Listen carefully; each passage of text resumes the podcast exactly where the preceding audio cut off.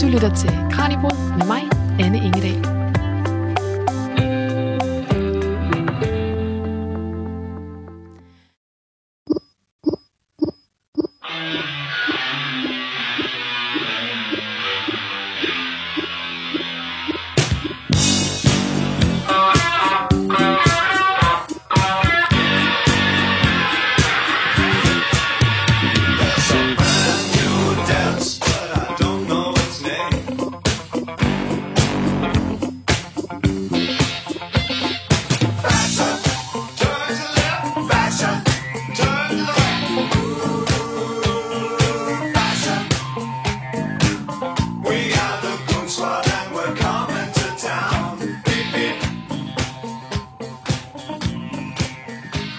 Spotlights og catwalks, modeller og kameraer.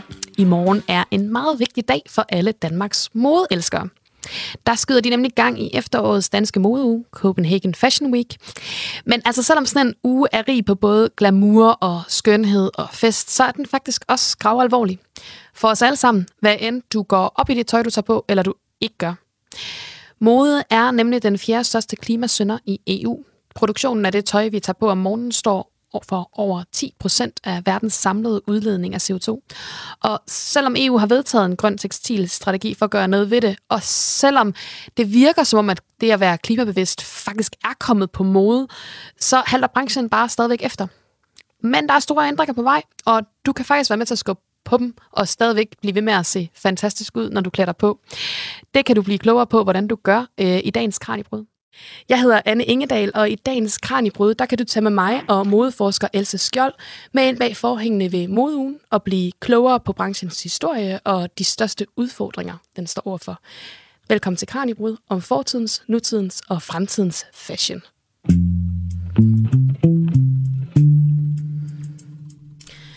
Altså, jeg synes, jeg kan lige så godt starte med at spille med åbne kort. Jeg er faktisk ikke et særligt fashionabelt menneske, så på en eller anden måde er det ironisk, at det er mig, der laver det her program. En af de gode ting ved at lave radio er jo ellers, at øh, I derude ikke kan se mig. Øh, og derfor kan I heller ikke se, hvor lidt glamourøs jeg faktisk er i tøjet lige nu. Men, men jeg, jeg våger pelsen og afslører, at, at det her outfit, som jeg har på, det involverer en øh, kedelig og ret forvasket øh, øh, hvid skjorte, helt klassisk, og så sådan en slasket øh, bomuldsneddel, som nok også er blevet forvasket et par gange. Og det eneste mærketøj, det er sådan et par udtrådte øh, Birkenstock-sandaler, som også har været med i vandet, og derfor heller ikke sådan, ser super pæne ud. Øh, så det er altså ikke særlig velovervejet, og faktisk hverken trendmæssigt eller grønt. Øh, men heldigvis, så får jeg hjælp øh, til at forstå moden af en, der ved betydeligt mere om den. Og det er dig, Else Skjold. Du er lektor i design og bæredygtighed ved det Kongelige Akademi. Velkommen i studiet. Tusind tak for det. Og Else, altså måske skal jeg starte med at spørge dig. Går du op i mode sådan personligt? Ja, altså, eller jeg vil sige, at jeg går op i, øh, i tøj øh, og jeg prøver at træne mig i at gå op øh, i tøj på en måde, der er øh, rigtig god for mig selv, øh, men, øh, men også øh, er en måde at bruge tøj på, som der er også øh, miljømæssigt fornuftig. Og, øh, og det vi ved, det er jo, at det handler om mindre, men bedre. Så jeg øh, har arbejdet på det personlige øh, plan mange år med at træne min kredsenhed og træne op i, at jeg faktisk skal være meget ligeglad med, hvad der på et givet tidspunkt er på mode eller trend. For det er meget vigtigt at finde ud af, hvad er det lige præcis, at jeg har det rigtig godt i og synes er sjovt og skønt. Så jeg kan jo så fortælle, hvad jeg har på. Ja. Jeg har en øh, sådan en øh, kaftan, sådan en, øh, en ligesom sådan en lang skjortekjole på, som jeg tror bare har været til øh, mænd, som jeg har fundet på eBay. Jeg har fået øh, en skrædder til at sy øh, skuldrene ind, så de passer til mine øh, ikke så mandige skuldre. Og så er der noget skønt, skønt øh, broderi på, som jeg vil sige i stil er sådan lidt Mexico-western muslim muslimsk med sådan to fugle, der krydser hinanden, og det gør mig utrolig godt humør. Og så er der sådan nogle øh, meget gule simili-knapper på. Og så har jeg nogle øhm, kondisko på, eller sneakers, øh, fra Adidas, og de er altså mange, mange sæsoner gamle. Og det er bare øh, nogen, som er bare totalt min yndlingssko. Altså hvor de ikke har været med henne, de har været rigtig, rigtig mange steder. De kan bare alt. Øh, og jeg er så glad for dem. Og når de går i stykker, så får man til at blive verdens mest utrolig ked af det forsker. øhm, fordi det faktisk er det, som jeg har også har forsket i. Så jeg prøver at tage min egen medicin. Altså, hvad er det, som os, der er flest helt almindelige mennesker, hvad er det, der giver os værdi, når vi har tøj på? Og du startede jo med at sige, jamen du ved ikke særlig meget om mode, og du er ikke øh, glamourøs. Og det er jo de her forestillinger, vi har om, hvad mode er. Mm, ja, helt sikkert. Øh, men, og mode kan være mange ting. Øh, så, så det, jeg tror, øh, der er rigtig mange, der tænker, at mode det er slet ikke noget med mig at gøre, selvom de jo har tøj på hver eneste dag. Og så er det måske også ret typisk, at øh, man sådan inden for diverse medier øh, ikke rigtig ved så meget om, hvad der egentlig foregår bag den her øh, glitzede facade.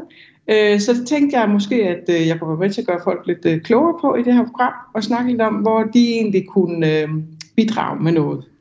Og det er jo også det, jeg synes er enormt spændende, ikke? fordi netop som du, som du siger, så altså, det der med ikke at vide noget om det, men jeg ved jo også godt, hvad det er for noget tøj, jeg tager på om morgenen og har det godt i. Og jeg ved også godt, hvad det gør ved mig, hvis jeg... Øh, en, en lille anekdote, jeg kan sige, første gang jeg skulle til sådan rigtig alvorligt, jeg har fået et voksenjobmøde, øh, der følte jeg mig øh, meget underkvalificeret. Der skulle jeg også snakke om noget, interview nogen, der, der ikke der vidste noget om noget, jeg ikke vidste så meget om. Det var så jazzmusikere.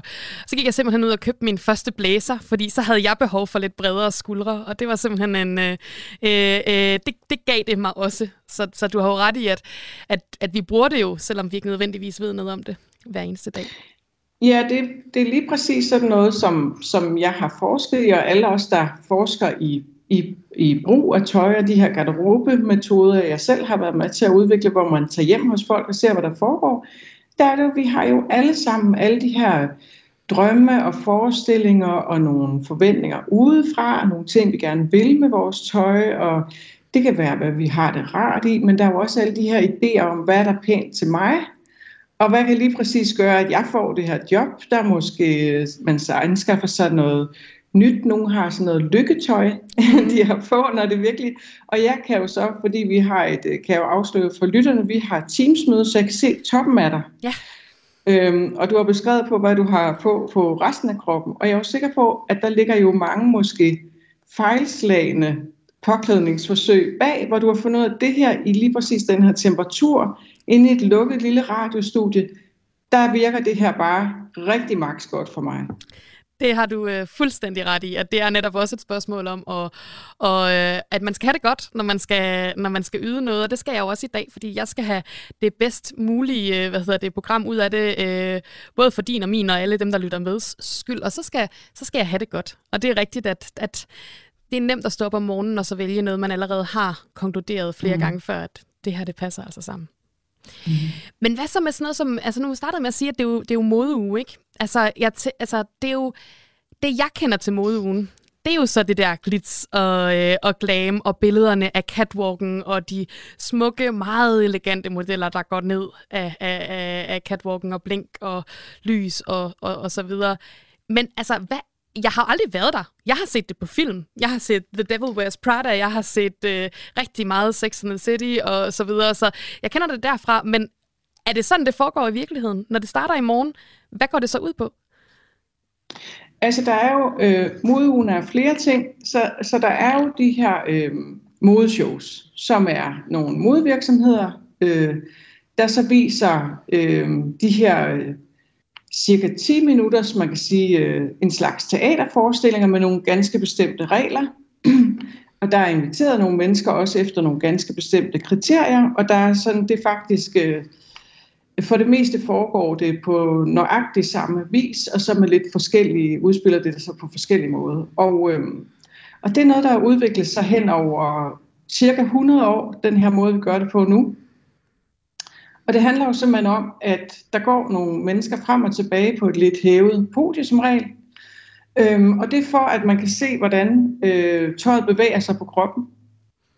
Og det er også derfor, der er udviklet den her øh, for en udforstående, virkelig mystiske gangart, som de her øh, modeller øh, gør, hvor man tænker, er det ligesom øh, gået galt for toilettet, eller hvad, hvad, hvad de laver. Øh, men, men det er sådan en helt bestemt måde at gå på, som der udvikles, så man simpelthen bedst kan se, hvad tøjet gør, når, når, når kroppen bevæger sig, hvilket jo er utrolig vigtigt, øh, når man har med tøj at gøre, for det er jo en tredimensionel form, som man bevæger sig inde i. Og så er det jo det her med, at der er så et helt system med, hvem sidder på første række og er vigtigst, og hvem overhovedet kommer med, og det er omgæret alt det her sådan øh, VIP, øh, glamour og glitz, og der er en hel masse fotografer, der står. Og det er jo også en del af modeugen. Men det, der er allervigtigst i modeugen, det er, at det er en brancheuge. Så ligesom bag ved alt det her, der er jo øh, kæmpe store øh, messer, hvor alle virksomheder, der øh, laver tøj, de skal sidde og sælge til butikker rundt omkring. Hmm. Så der er jo alt tøjet.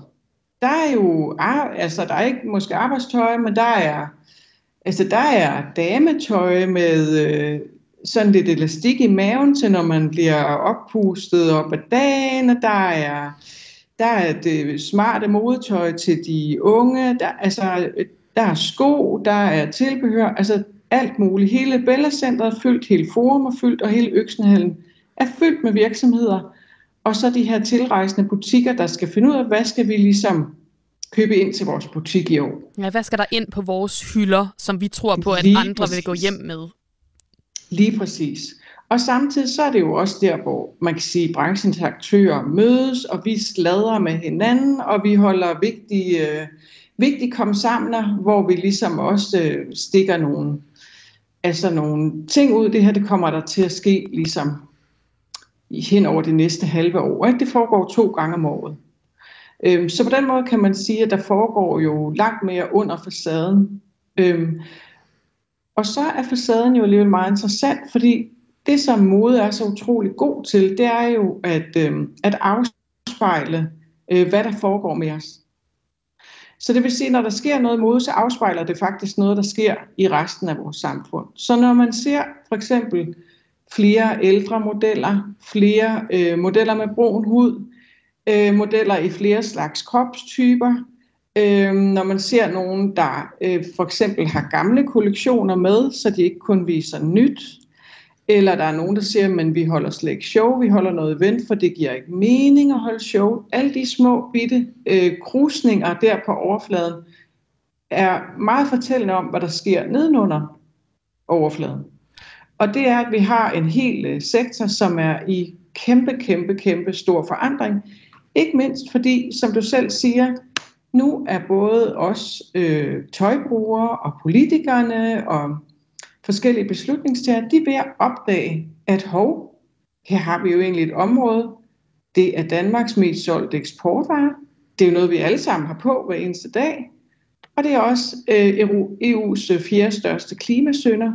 Det kunne være, at vi skulle kigge nærmere på det. Men der er ikke særlig mange, der ved noget om det. Der har ikke været sat så særlig meget på sådan nogle som mig, nogle forskere, der kan hjælpe os med at forstå det, eller finde ud af, hvad der er bedre eller dårligere at gøre eller bruge. Øhm, og politikerne har jo også, øh, man kan sige, sovet i timen. Hvordan? Øhm, og typisk så kan man jo sige, altså både politikere og sådan set også mange meningsdannere taler jo om klima sådan her, at vi taler jo om de røde bøffer, og vi skal spise mere plantebaseret, og så taler de om energi, vi skal have noget mere grøn energi, og så taler de jo rigtig meget om transport, altså vi skal gerne køre mere i bus og tog, og mindre øh, med fly osv. Men typisk så taler man ikke om tøj og tekstiler. Men det er faktisk mindst lige så alvorligt et klimaproblem, det vi gør med vores tekstiler i dag. Øhm, og det kommer jo branchen til at skulle lave om, om de vil det eller ej. En god historie er, det vil de faktisk rigtig gerne. De vil bare gerne have hjælp til, hvad det egentlig er, de skal gøre. Ja, hvordan skal de egentlig finde ud af at gøre det? De vil også gerne tjene nogle penge ja. samtidig, ikke? Ja. Jo, og, og, øh, og det, der ligger i det, det er, at det er der sådan set ikke nogen, der siger, at de ikke skal, men de skal tjene deres penge på en anden måde. Og det vedrører jo så os alle sammen. Hvad er det så? Hvordan kommer det til at se ud, den her fremtid, vi snakker om, når vi snakker bæredygtig omstilling? Og hvad vedrører det egentlig også? Mm. Ja. Og det er jo det gode spørgsmål, ikke? Fordi at jeg, jeg, jeg havde tænkt mig at spørge dig også om, altså, når man så ser sådan en modeuge, som så er en krusning på øh, modebranchens år, som viser krusninger af modebranchens trend, som alligevel øh, siger noget om, hvad der foregår nede under overfladen. Når man så kigger på sådan en uge, som vi, som vi går ind i nu, hvor vigtig er den uge for branchen? Altså, øh, hvor meget betyder det? Er det der, man får solgt alt til efteråret eller foråret? Eller øh, hvor meget betyder det, at man rammer noget, som resonerer med dem, der kommer? Altså det, øh, der faktisk øh, sker under overfladen, det er, at der, der er sket et skred, hvor flere og flere siger, man de er sådan lidt usikre på, om det format, messerne og modeugerne har lige nu, egentlig passer så godt til den fremtid, vi ser øh, ind i. Og det er fordi, at modeugen jo handler om, at nu skal vi vise noget nyt. Ja. Vi skal vise nogle nye trends. Nu er det blåt, nu er det gult, nu er det stort, nu er det smukt. Hvad det end er, det har ligesom været hovedformålet. Men hvis vi ser ind i en sektor, der skal være meget mere orienteret om, hvem er det egentlig, vi designer til, og hvad bliver de glade for at gå med? Og hvis vi ser en sektor, der faktisk mere skal leve af gammelt end nyt, altså det vil sige genbrugstøj, altså gensalg eller vintage, reparation, leje, øh, omsyning, alt sådan nogle ting, som vi jo faktisk har haft masser af op indtil for 30-40 år siden, så skal vi jo have nogle helt andre messer. Måske skal vi slet ikke have en catwalk. Øhm, det ved vi nok ikke rigtigt endnu, hvordan det vil øh, tage sig ud. Øhm, men det, der i hvert fald er rigtig vigtigt, det er, at fra at vi laver trendbaseret tøj til nogle øh, ideal øh, kroppe, som der passer til ganske få, så noget af det allervigtigste, der skal ske, det er det her diversitet, altså at man begynder igen at lave simpelthen tøj til øh, det, vi har, det vi bliver glade for, det vi startede med at snakke om, og det vi bliver glade for, det er jo typisk noget, der sidder rigtig pænt, altså for os til at føle os, at vi ser rigtig dejlige ud, men som også passer til den smag, vi har. Og det helt absurde, det er jo, at fordi man har lavet en, en sektor, der er øh, baseret på de her trends, så er der mere tøj end nogensinde før.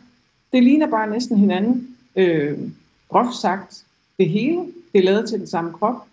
Så selvom der er mere tøj end nogensinde før, så er der mindre end nogensinde før noget tøj, der egentlig passer til os, der skal bruge det.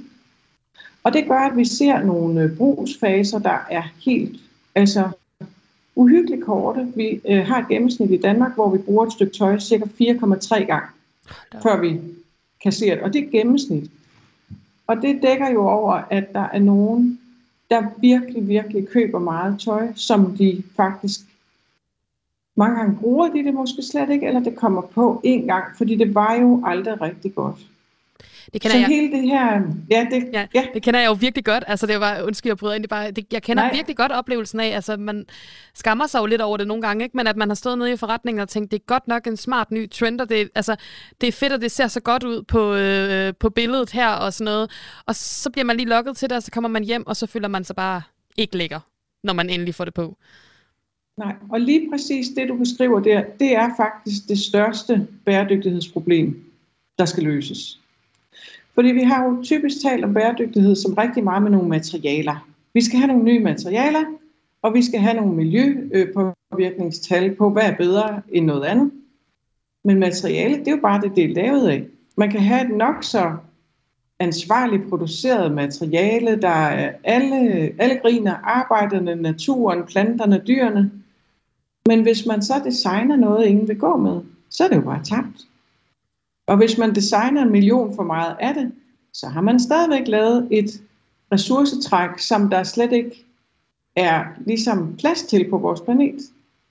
Altså vi har simpelthen, ja. Så, øh, så det er noget med at, øh, at begynde at drive på en øh, noget anden logik. Du lytter til Radio 4.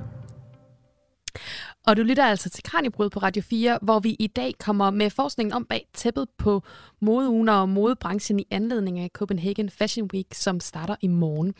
Øh, jeg hedder Anne Ingedal, og jeg er besøg af dig, Else Skjold, og du er i fuld gang med at hjælpe mig med at blive klogere på forskningen i mode og i hvad i alverden modebranchen skal gøre i fremtiden, hvis vi skal holde op med at forbruge tøj på den måde, vi gør i dag, fordi det kan planeten simpelthen ikke holde til. Men Elsa, øh, hvad hedder det, jeg afbryder dig en lille smule lige før, øh, for den her skiller, og det gjorde jeg, fordi jeg synes, inden vi springer til fremtiden, så synes jeg, vi skal lige prøve at tage et blik på, hvordan kom vi til der, hvor vi er i dag? Fordi du sagde, du sagde også øh, lige før, at øh, i virkeligheden, så er det kun 30-40 år siden, vi gik til tøj på en helt anden måde, end vi gør i dag. Mm. Øhm, så, så måske skal vi lige prøve at, øh, at, at, at, at hoppe tilbage, og man kan sige, selvom jeg ikke ved særlig meget om mode, så ved jeg dog, at, at der har været mode meget, meget længe. Men mode uger og mode, som vi kender det, og det der med at have sæsoner og sådan noget, hvor, hvor gammelt er det? Altså, øh, den mode, som da vi startede, så, så talte du om mode på en helt bestemt måde, og med nogle helt bestemte billeder ind i hovedet. Øh, og lige præcis den ligesom, øh, øh, modeforståelse, den startede, altså man, man har sådan en forklaring om, den startede i Frankrig i cirka 1400-tallet, men for, øh, udviklede sig for alvor sådan midten af 1800-tallet, da haute couture kom frem i Paris. Og hvad er det nu haute couture, det er? Haute couture, det er ligesom noget meget, meget, meget fint øh, tøj, som der er, øh, altså faktisk så, ja, det er en, øh, en lille bonusinfo, så var der en, øh, en tøjmager, der hed, øh, der hed Worth, som han øh, gik rundt og kiggede på alle de her kunstnere, der kom frem i 1800-tallet. De var simpelthen så berømte, fordi de lavede den her lille signatur nede i øh, bunden af deres maleri, og pludselig var det sådan nogle store kunstnere fra bare at være håndværkere, så tænkte han, hmm, det var lige godt pokkers. Det er sgu smart. Det er sgu smart. Så han begyndte at gå i sådan noget kunstnertøj med sin kunstnerhat, og så satte han en lille signatur i nakken af sine kjoler. Og pludselig, så blev han en meget, meget, meget berømt kunstnertøjdesigner. Så havde han og så, et logo på. Ja. Så det startede faktisk der. Øhm, og man kan sige, så har vi jo haft øh, hele det 20. århundrede, som har handlet, altså for hele designområdet, rigtig meget om øh, en rigtig god tanke, nemlig at alle skulle have nogle gode forbrugsgoder, de havde råd til. Alle mm. skulle have råd til nye støvler, så de ikke skulle gå i lillebrors gamle udslidte, og særligt vi kvinder skulle ikke sidde i tællelyset skær og reparere og sy om, og hvad ved jeg. Så vi skulle have nogle billigere varer. Hmm. Som... Og det var jo sådan set en god nok idé, og det kræver, at man laver varen mere ens. Det er klart, fordi man kan ikke uh, lave 15 forskellige specifikke stykker skjorter til mig, så er der nødt Nej. til at være nogle andre, der også kan købe den.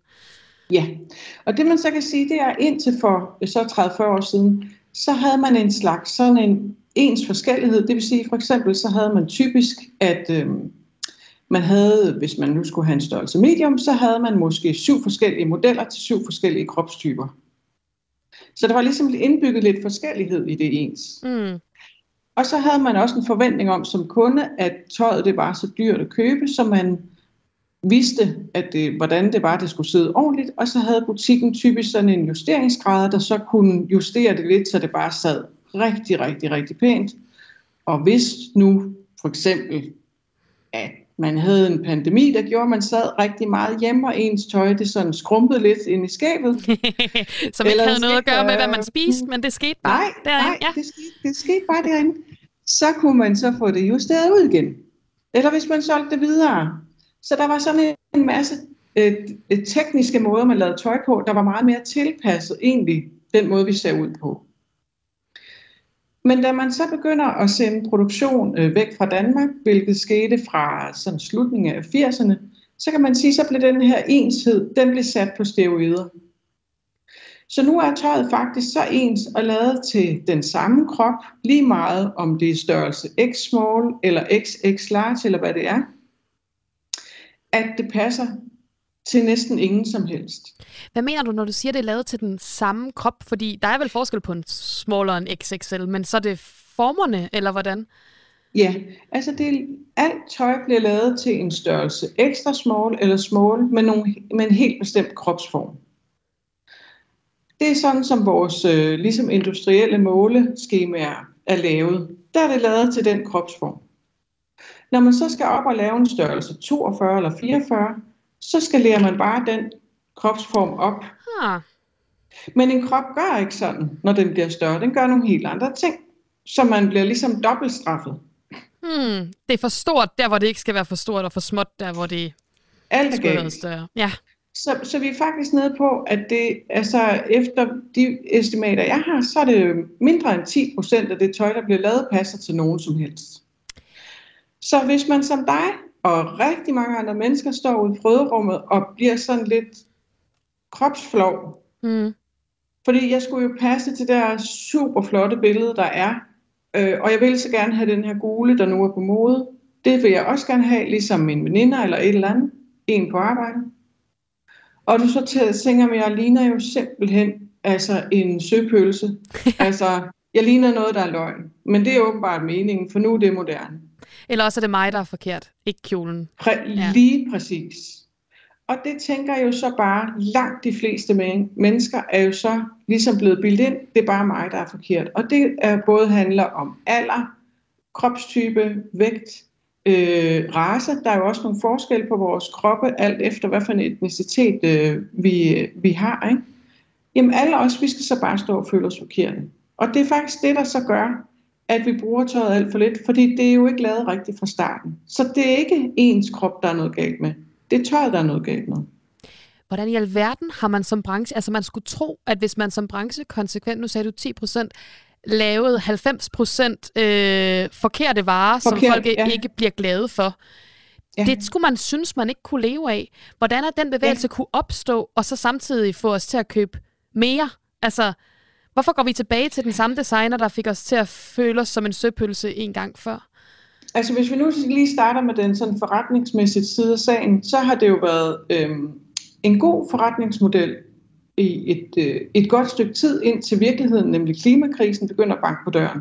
Hmm. Fordi der er alt det der, der så sket med det, det vidste man jo ikke noget om. Nej, selvfølgelig. Men det var, det... Vi gav det jo væk. Så det var jo væk. Ja, præcis. og så kom der noget nyt, og det var godt. Indtil det var jo heller var godt, og så var det væk. så det er sådan set...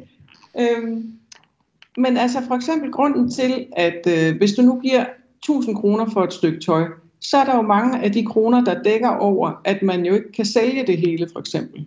Altså, øh, Forbrugerrådet Tænk gik jo for eksempel ind sidste år afdækket, at alene på butiksniveau, der er der 677 tons øh, usolgt tøj, der bliver kasseret. Hold det blev der i 2021, og det er bare dem, der svarede på det. Øh, fordi at, at de jo simpelthen ikke laver en vare, som folk øh, vil betale for. Så de har jo, og så bliver de jo øh, også presset på, at de skal leve op til en masse bæredygtighedsstandarder, som jo koster mere, som vi heller ikke vil betale for. Og hvorfor vil vi så ikke det? Altså hvorfor er det, at øh, når der nu står, det er mere bæredygtigt, hvorfor vil du så ikke gå hen og give 200 kroner mere for det, siger de. Nu har vi mm. gjort os så umage. Men det vil du jo ikke, fordi tøjet ikke passer dig. Ja, så jeg er bange for at komme ned hjem med endnu et fejlkøb, der bare er 200 ja. kroner dyrere. Ja, og derfor har vi ligesom haft en meget ulykkelig spiral med, at forbrugerne de får ikke det, de vil have, og virksomhederne får heller ikke det, vi vil have. Og den, den, det er ligesom mismatch, det vokser lige nu rigtig kraftigt. Så det vil sige, at det jo er ved at gå op også for virksomhederne for, at, at det er ikke en god forretning. Det har det været indtil nu. Ja, og så tror jeg, det der er vigtigt, ligesom at vi taler rigtig meget om i den offentlige debat og med hinanden, det er i stedet for at tale og kun om forbrug, altså nu købte jeg noget nyt, mm. eller jeg forbruger, det er jo at anskaffe sådan noget. Hvordan går det med at bruge det? Begynd at tale om det her med, hvad klæder mig rigtig godt? Hvad er den gode stil, jeg elsker? Rose hinanden for et eller andet, man går igen, som bare virker super godt. Tale om, at man går til skrædder og får det lige justeret lidt, for det sad. Mm. I forhold til at anskaffe sig noget, man er rigtig glad for, så er det jo ikke så stor en investering, for eksempel. Ikke? Eller få det repareret. Fordi at det er vigtigt at holde fast på det tøj, der virker for os. Fordi det er sådan set det, der er det bæredygtige tøj. Det er yndlingstøjet. Så hvis vi nu, alle os, der lytter med her, starter den her bølge med at sige, nu stopper jeg med at købe noget, jeg i virkeligheden ikke gider. Hvis jeg mærker den her kropsflovhed, så siger jeg, nej, det tøj vil jeg ikke have. Jeg vil kun have noget, hvor det bare siger, der simpelthen står stjerner ud af prøveformet, og det er stråleglans, og der er et kor, der synger, fordi det er bare, wow, jeg er så dejlig i det her. Det er win-win. det er jo lyder som en, øh, som en ret øh, dejlig øh, fornemmelse, og mindre skamfuld fornemmelse, end, end det ofte er, når, øh, når vi yeah. gør, gør noget ved klima, fordi det er jo ofte ellers er noget, der også får os til. Så jeg kan yeah. jo godt komme hjem med tøj, hvor jeg både skammer mig over, at jeg ikke passer til det, fordi min krop er forkert, og jeg og i øvrigt også skammer mig over, at jeg nu igen har været ude at bruge penge på noget, øh, som jeg ikke får brugt. Og så kan jeg så yeah. også skamme mig over, at jeg er klimamæssigt forkert, fordi at jeg ikke får brugt yeah. mit tøj. Så det handler om at få prøvet at forvente den øh, i hovedet. Yeah. Til, øh... Og jeg tror også, altså, øh, vi skal måske snakke noget mere om, at fra at snakke om klima skam, så synes jeg, at vi skal snakke om klima glæde. Altså, vi har en fuldstændig vidunderlig planet. Altså, hvad er der har brugt sig over? vi skal passe på den, men, men bæredygtighed handler jo også om at passe på sig selv og tage sig af sig selv. Og det ligesom element er, tror jeg, er sådan helt hjørnesten, og det, der er jo rigtig mange øh, paralleller til mad, øh, hvor vi jo i mange år nu altså efter hele den her Noma-bevægelse har talt om den lokale natur, de gode råvarer, noget øh, alle kan få de her dejlige grønkasser med lokale grøntsager, der ikke skal transporteres, smag, hvad der er hos sig selv osv. Dyrk de der forskelligheder, øh, dyrk øh, materialer, og dyrk det her med, ligesom at nomakokkene forædlede havregrød til noget vanvittigt raffineret, hele verden kom for at smage. Øh, det burde vi også gøre med tøj.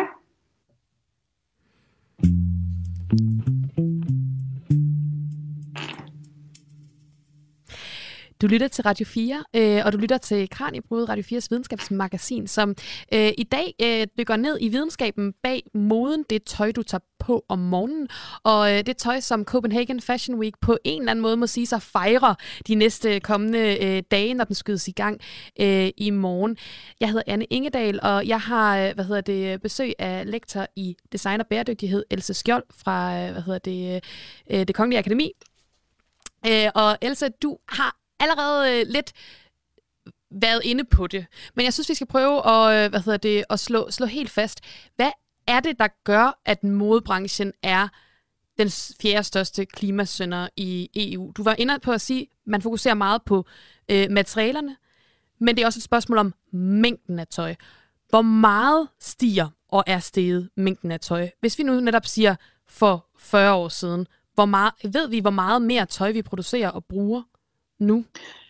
Altså vi ved i hvert fald igennem de sidste 15-20 år, der producerer vi dobbelt så meget, og hvis vi fortsætter som vi gør nu, øh, så har vi brug for syv planeter til det ressourcetræk, vi har alene på tekstilområdet. Så det, altså, og det er jo bare estimater, ikke? Øh, men hvis du siger, hvad er den største udfordring, så er det faktisk lige præcis den modeforståelse, vi har, nemlig at mode, det er, øh, der har tøj kun en værdi, når det er nyt. Ja, så det er nyhedstingen. Ja. Det, at der er en ny trend, øh, det næste ja. nye, man skal hoppe på, det er det, der er, er kerneproblemet. Hvorfor? Øh, det øh, siger jo sig selv, at når, øh, når tøj kun har en værdi i købstidspunktet nærmest, når det, altså når det er nyt, så indbygger man jo, at det er øh, kasserbart efter ganske kort tid, indtil der kommer en ny mode, selvom det øh, er fuldt funktionelt stadigvæk. Og det siger jo meget godt, altså hvorfor du siger det, at, øh, at, at en af de ting, vi skal for at komme om på den anden side det her, det er simpelthen, at vi skal til at købe mindre tøj, måske betale lidt mere for det, og flytte nogle af vores ressourcer over i reparationer og videre salg øh, osv. osv.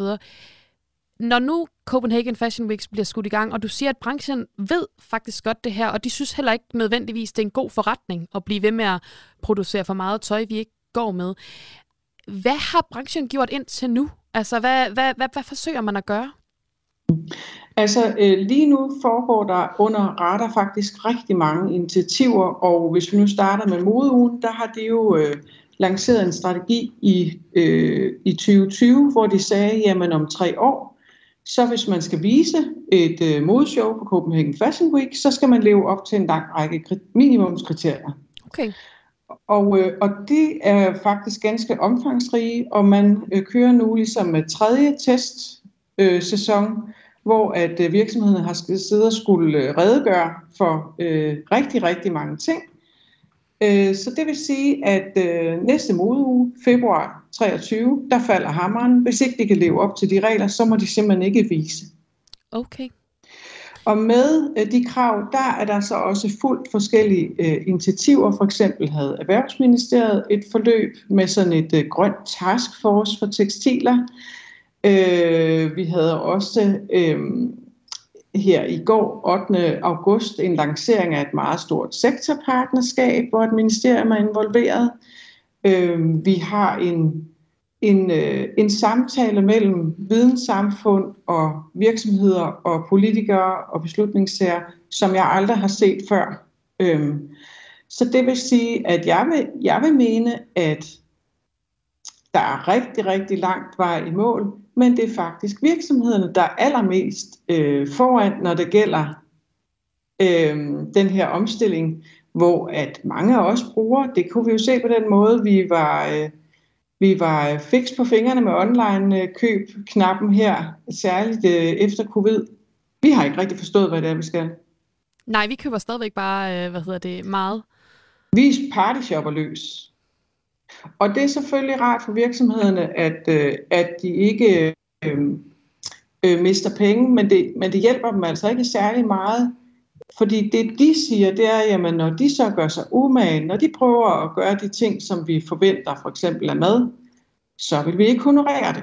Så det er ligesom, som jeg prøver at skitsere, altså det er jo sådan en tovejs dialog, men det kræver, at vi alle sammen er med.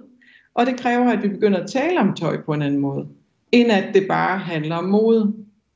Hvor radikalt skal der øh, gøres op, hvis man nu, altså jeg ved godt, at man, øh, det, det er svært at sætte tal på og sådan noget, ikke? Men, øh, men, men, men ofte så har sådan, øh, damebladet har jo ofte sådan en opgørelse over, hvor mange, hvor mange stykker tøj bruger du om måneden, mm. øh, og mm. så videre, hvor meget køber du. Hvis man nu, altså hvis jeg nu personligt vil gøre op med, øh, mit, øh, mit impact og sige, okay, fint nok, jeg køber nogle dyre øh, stykker tøj, og så, øh, hvad hedder det, så skal de holde, holde længere, og så må jeg få dem tilrettet og sådan noget. Altså, jeg er lidt nysgerrig for at finde ud af, hvor, hvor meget er det så? Altså, hvad kan vi, øh, hvad kan vi holde til? Du siger, at vi øh, har fordoblet det inden for, øh, hvad hedder det, øh, øh, bare 15 år. Øhm. Mm. Altså, hvis vi ser på, ligesom, hvad forskningsanbefaler, forskning anbefaler, så taler vi om øh, faktor 4, der nu er ligesom opgraderet til faktor 20. Det vil sige, at vi skal, øh, vi skal reducere øh, ressourcetræk af nye materialer med 75 til 95 procent gerne nu. Okay. Så hvis jeg køber... Så det er så meget mindre nyt, der skal laves. Og så siger du så, øh, det er noget med, det bliver dyrt, og du skal sådan og sådan. Det er jo ikke, fordi der mangler tøj, for der er jo rigtig meget tøj, der allerede er lavet. Mm. Som er derude. Og som, øh, altså der er jo rigtig, rigtig meget. Altså danskerne er rigtig, rigtig glade for at købe genbrug, og det er super, super godt.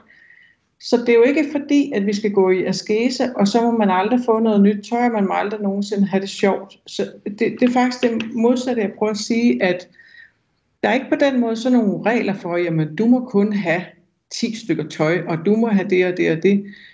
Det handler om at lære igen, altså noget af den viden, vi også havde før i tiden, med hvordan opbygger du på dit budget, en garderobe, der er smuk og funktionel og skøn for dig. Det er faktisk det, vi skal se og, og prøve at, at genlære. Og det er det, som virksomheden skal producere til i langt højere grad. Så måske er det faktisk også, nu sidder jeg og tænker, jamen hvis jeg skal kunne reparere og øh, så videre så videre. Så, så skal jeg på kursus. Altså, jeg er nok også en del af en generation. Jeg er 35, ikke? Hvis du siger, det er 40 år siden, vi, vi reparerede ting. Jeg er, jeg er ikke opdraget til at kunne finde ud af at tage tøj ind og ud og, øh, og nørkle og reparere og sådan noget. Tror du, at vi i løbet af de næste par år vil komme til at se kurser i sådan noget? Altså, øh, strikning var på mode for øh, nogle år siden. Altså, er det, altså, bliver det modrigtigt at reparere? Skal jeg på kursus og lære? Og rent faktisk bruge en symaskine? Jeg har den, den står bare oppe på toppen af skabet og kommer aldrig ned. Altså det, for det første, øh, ja, det tror jeg ikke blot er på vej. Jeg tror også, altså, jeg tror også det vil være øh, rigtig dejligt for rigtig mange, men, men der er selvfølgelig, vi har alle sammen fuldtidsjob og øh, børnefamilier osv. Det er jo begrænset, hvor meget øh, hvor meget tid rigtig mange af os har, så vi skal nok passe på med at tro, at nu skal vi bare til at sidde og sy i øh, tid og utid. Øhm, og, øh, og i gang med det helt store, men, men øh, man kunne godt lære sig små reparationer, som at lige få syet den knap i, eller lige en søm, der var gået op, kunne man godt lige tage selv, øh, måske bare i hånden eller et eller andet. Ikke?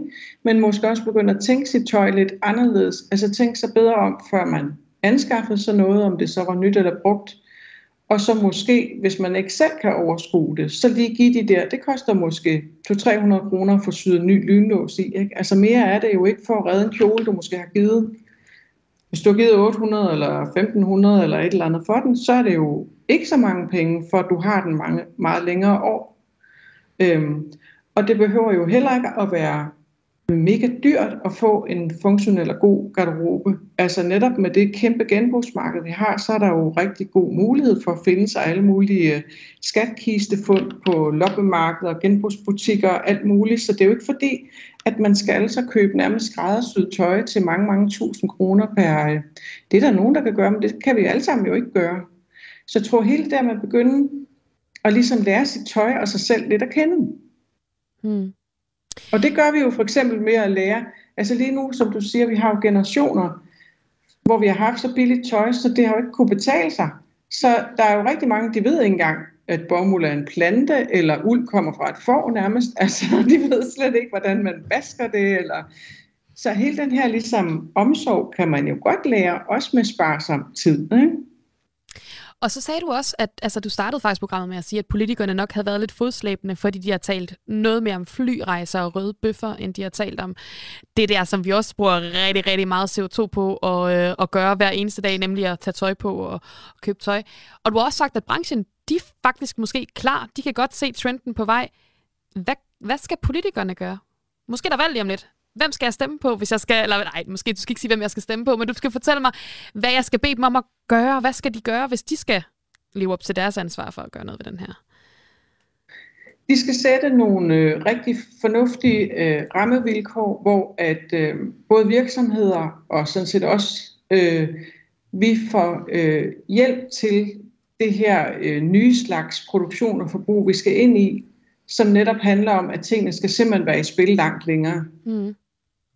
Øhm, der er øh, rigtig stor forvirring om, hvad et bæredygtigt materiale eller produkt egentlig er, fordi vi simpelthen mangler øh, rigtig, rigtig meget data, der ikke har været lavet, øhm, for at forstå, hvad der egentlig taget er et øh, mere eller mindre bæredygtigt materiale eller produkt. Så det giver ikke rigtig mening for mig så meget at tale om. Altså, jeg, jeg tror, øh, det handler om måske at honorere øh, for eksempel sådan noget som monomaterialer, altså at dit tøj kun er lavet af én ting. Det ved ah. vi er godt. Øh, vi ved, at øh, høj kvalitet naturfibre er godt. Der er bare ikke rigtig nogen, der ved, hvor høj kvalitet er af dem, der skal ud og købe tøj.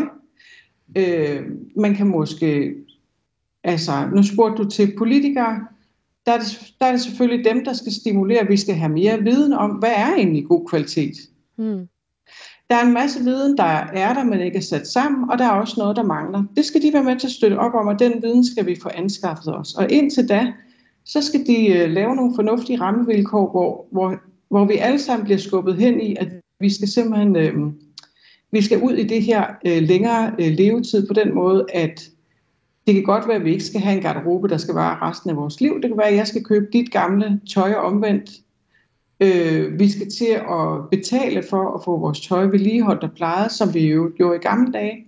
Og ligesom sige, at det, er en, det kan være en sy videre kjole, eller en øh, brug videre kjole, eller et eller andet. Øhm. Kunne man gøre det? Altså, er, det, er vi ude i også sådan noget med, netop hvis det er med det er godt kun at bruge et materiale. Der er nogle materialer, der er bedre end andre, og det her er lavet på en bæredygtig måde. Er vi ude i en, en mærkningsordning? Vil det, give, øh, det har vi på, øh, på madområdet i forhold til bæredygtighed. Eller ja. er, det, er det en grøn fond, som virksomhederne kan søge, så de har råd til at investere i det? Eller hvad? hvad altså, som, sådan noget? Ja, det kan jeg sagtens, og der er rigtig meget diskussion om mærkningsordning, og der, der, der vil jeg bare gentage, altså som forsker, der, der bliver jeg nødt til at sige, at vi mangler simpelthen så meget data, og den viden, der er om, hvad et godt tekstil er, som holder så længe, øh, den er ikke med i de her mærkningsordninger. Så der er også noget viden, der er der, som ikke er sat rigtigt sammen. Så jeg vil ikke stå og sige, hvad der er et bedre materiale end et andet. Og det vil jeg heller ikke mene, at politikere øh, bør gøre. Men de skal sætte nogle krav, øh, der hænger sammen med den her store tekstilstrategi, der kom fra EU, om at man jo skal sørge for, at der er ordentlige tingene. Øh, der skal være ordentlige forhold omkring øh, de øh, ressourcer, vi udvinder, om det så er det ene eller det andet, marker eller hvad det er. De mennesker, der arbejder med vores tekstiler og tøj, de skal have ordentlige arbejdsforhold, de skal betales ordentligt. Øh, det skal de sørge for. Og så skal vi andre nok rette ind, og så, øh, og så vil der jo naturligt opstå det, at vi har behov for nogle helt nye forståelser af, hvad mode er. Og derfor så er jeg sådan, øh, bare sådan, øh, det vil sige, at jeg vil se frem til, hvordan en modeuge så ser ud om måske bare fem år, fordi hvis man ikke skal vise noget nyt, og det hele handler om det, hvad skal man så vise? Og det skal jo stadigvæk være lige så smukt og dejligt og kunstnerisk og øh, skabe glæde og værdi for dem, der skal gå med det, som det hele tiden egentlig har været meningen. Øhm, så det bliver spændende. Du lytter til Radio 4. Vi er ved at nå øh, øh, afslutningen på, øh, på det her øh, Kranjebrud afsnit, øh, hvor vi ser nærmere på, øh, på modebranchens øh, store udfordring i fremtiden, nemlig det, at vi skal øh, købe mindre tøj af den, og øh, forbruge mindre øh, og beholde det, som, øh, som vi har i længere tid, hvis vi skal være med til at løse øh, klimaudfordringen. Og øh, øh Else, jeg synes, lige inden vi slutter, du, du, øh, du lukkede næsten op for godteposen, lige inden jeg satte den her skiller på, men, men, men altså, jeg ved godt, at, at det er svært som, som forsker at spå om fremtiden, ligesom det er for øh, alle os andre. Men hvis vi nu leger, hvor radikalt anderledes tror du så, modebranchen ser ud om 50 år? Jamen altså, øh, jeg håber jo, at vi nærmest ser en modeuge i omvendsliv. Det var den her øh, gamle DR-serie, der bare hvor hele verden var vendt på hovedet. Ja. Så vi simpelthen har en modeuge, der handler om, øh, om noget gammelt i stedet for noget nyt, med på alle mulige vidunderlige og spændende måder. Øhm, og det er bare lige for at opsummere, vi talte lidt om det her, hvad skal politikere gøre, så tror jeg, der er tre vigtige områder lige nu. Det er, at de materialer, vi bruger, de skal være ordentligt lave, og der skal have været ordentlige vilkår for planet og mennesker. Så skal der satses på den her designudvikling, så vi begynder igen at lave noget tøj, der faktisk passer til vores stil, vores smag og vores krop. Ja. Og så skal der virkelig være et fremstød for de her cirkulære forretningsmodeller, som jo handler om at tjene penge på en anden måde og tjene penge på noget gammelt. Og hvis de politiske rammevilkår bliver sat rigtig godt, så tror jeg ikke, vi skal vente 50 år. Det har vi slet ikke tid til, fordi vi er jo ved at nå det her berømte tipping point, hvor vi ikke kan nå tilbage. Så der skal handles rigtig hurtigt på det her område. Og det håber jeg, vi ser øh, gode takter til allerede i den her kommende valgkamp. Så jeg vil sige, følg med og vær kredsen med, hvad du tager på dig. Det synes jeg er nogle gode øh, sidste ord, men jeg vil alligevel lige øh, øh, nå at spørge dig, øh, inden, øh, inden vi slutter. Øh, skal du selv til modeuge i år? Det, det skal jeg. Mm. Hvad, ja. hvad glæder du dig allermest til at se, øh, hvad hedder det, øh, lige i år? Jeg skal, øh, jeg tager faktisk ikke så meget på modeshows. Jeg tager ud på messerne, fordi på messerne, det er der, man hører, hvad der i virkeligheden foregår. Det er der, man kan røre ved tingene og snakke med alle de her virksomheder om, hvad går de egentlig og spekulerer på lige for tiden. Og hvor langt er de med den grønne omstilling. Og det glæder mig rigtig meget til. Det kan jeg godt forstå. Tusind tak skal du have, Else. Og du skal have rigtig mange tak, fordi du vil være med i Kranjebrud i dag. Tusind tak, fordi jeg måtte. Hvis du, der lytter med derude, har, har mod på endnu mere end modforskning, så er der faktisk øh, mere at komme efter senere på ugen, bare på en lidt anden måde her i Kranjebrud. På torsdag, der rejser min kollega Emma nemlig øh, endnu længere tilbage i modhistorien, end, øh, end Elsa jeg har været i dag, sammen med Ulla Mannering, der er ekspert i forhistoriske tekstiler. Så besøger hun vores forfædre i bronzealderen og i vikingetiden, og så ser de lidt nærmere på, hvad mode egentlig betød, når man var bronzealdermenneske eller vikingemenneske, før det blev det her med fast fashion og de nyeste trends. Og så, øh, så ser vi også lidt på, om man må kan lære noget af de her for fremtidsmennesker, for eksempel i forhold til, hvad fremtidens tøj skal laves af, eller måske også, hvordan man reparerer det. Hvis du har mod på at lytte med på det program, så skal du lytte med på torsdag kl. 12.10 til 13 her på Radio 4, altså hvor Kranjebrud dykker ned i øh, tekstilhistorien. For denne gang der er der blot tilbage at sige tusind tak, fordi du lyttede med. Programmet er produceret af Folkeuniversitetet og Aarhus Universitetsforlag for Radio 4.